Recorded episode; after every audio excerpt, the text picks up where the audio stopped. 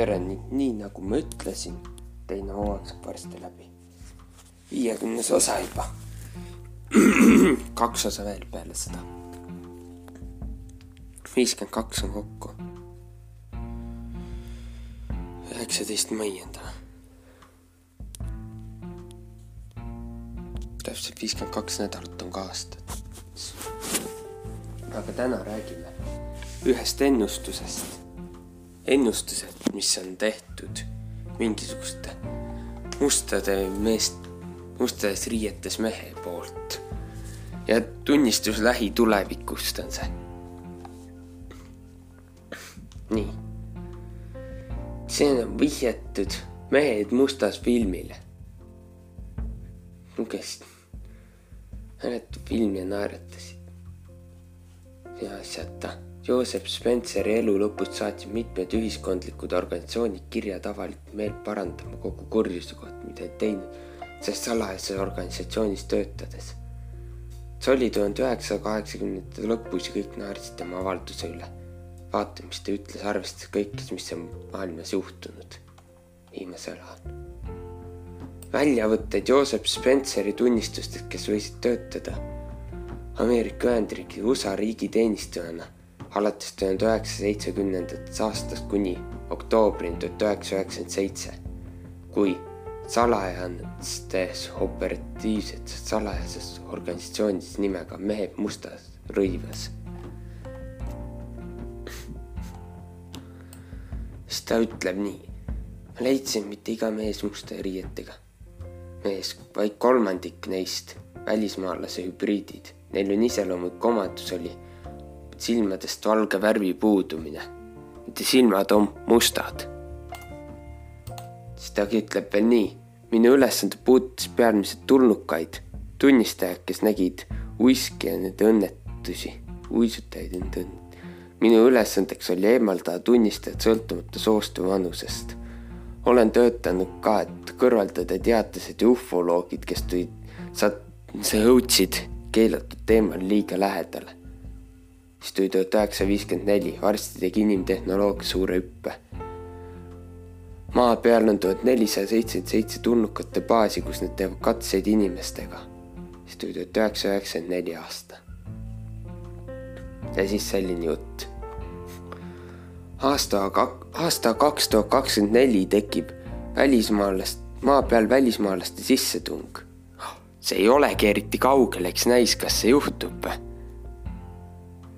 kui te seda kuulete, siis on ju aasta kaks tuhat kakskümmend kaks detsember. paar aastat on jäänud veel. kaks aastat. tekib välismaalaste sissetung, välistulnukate sissetung tuleb maa peale aasta kaks tuhat kakskümmend neli selle ennustuse järgi. kuid tegelikult maa elanikud ei näe päris kosmoselaevu taevas kuid väga, vaid hoopis selle asemel väga arenenud hologramme, mille abil objektid näevad välja nagu päris. nagu tõeliselt neid saab isegi puudutada. toimub absoluutne reaalsus, liitreaalsus tekib. mitte tänapäeval, mitte liitreaalsus, hüperreaalsus. mitte liitreaalsus, vaid hüperreaalsus toimub hüperreaalsus tuleb väga arenenud hologramm, mille abil objektid näevad välja nagu tõe, nagu nad oleks tõelised ja neid saab isegi puudutada. toimub hüperreaalsus, kuid see pommitab linnu, mitte tulnukatega, vaid hologrammidega. jäävad vaid maamehed on nende hologrammide varju. kommentaariks võib-olla need hologrammid praegu nõu-, nõuavad Elon Musk'i satelliite, millest enamik on juba atmosfääris siis ta ütleb veel nii, et maailm näeb suurt tulnukate invasiooni, tuhanded holograafilised tulnukate sõjalaevad katavad taeva. katse, katsetavad inim-, viivad inimesed globla-, globlaas-, kurat, miks ma ei oska öelda, viivad inimesed globaalsesse paanikasse ja tõelised sõjalennukid lähevad hologrammide vahele ja annavad tegeliku löögi see tekitab maailmas ühtse maailmavalitsuse, mille vastu ei ole ükski rahvas. Need juhivad ellujäänuid uues kontrollimaailmas. tema raport sisab ka huvitavaid asju. jah. midagi sisaldab see veel, aga seda ma ei saa vaadata, sest video on maha võetud. siin oli üks video ka, aga see on Youtube'ist maha võetud. Seda enam ei ole. konto on suletud ka. selline lugu siis. seekord, jah. seekordks lõpetan.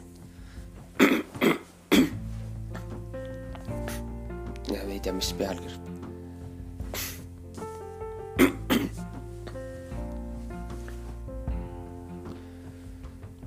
jah, lõpetan. tšau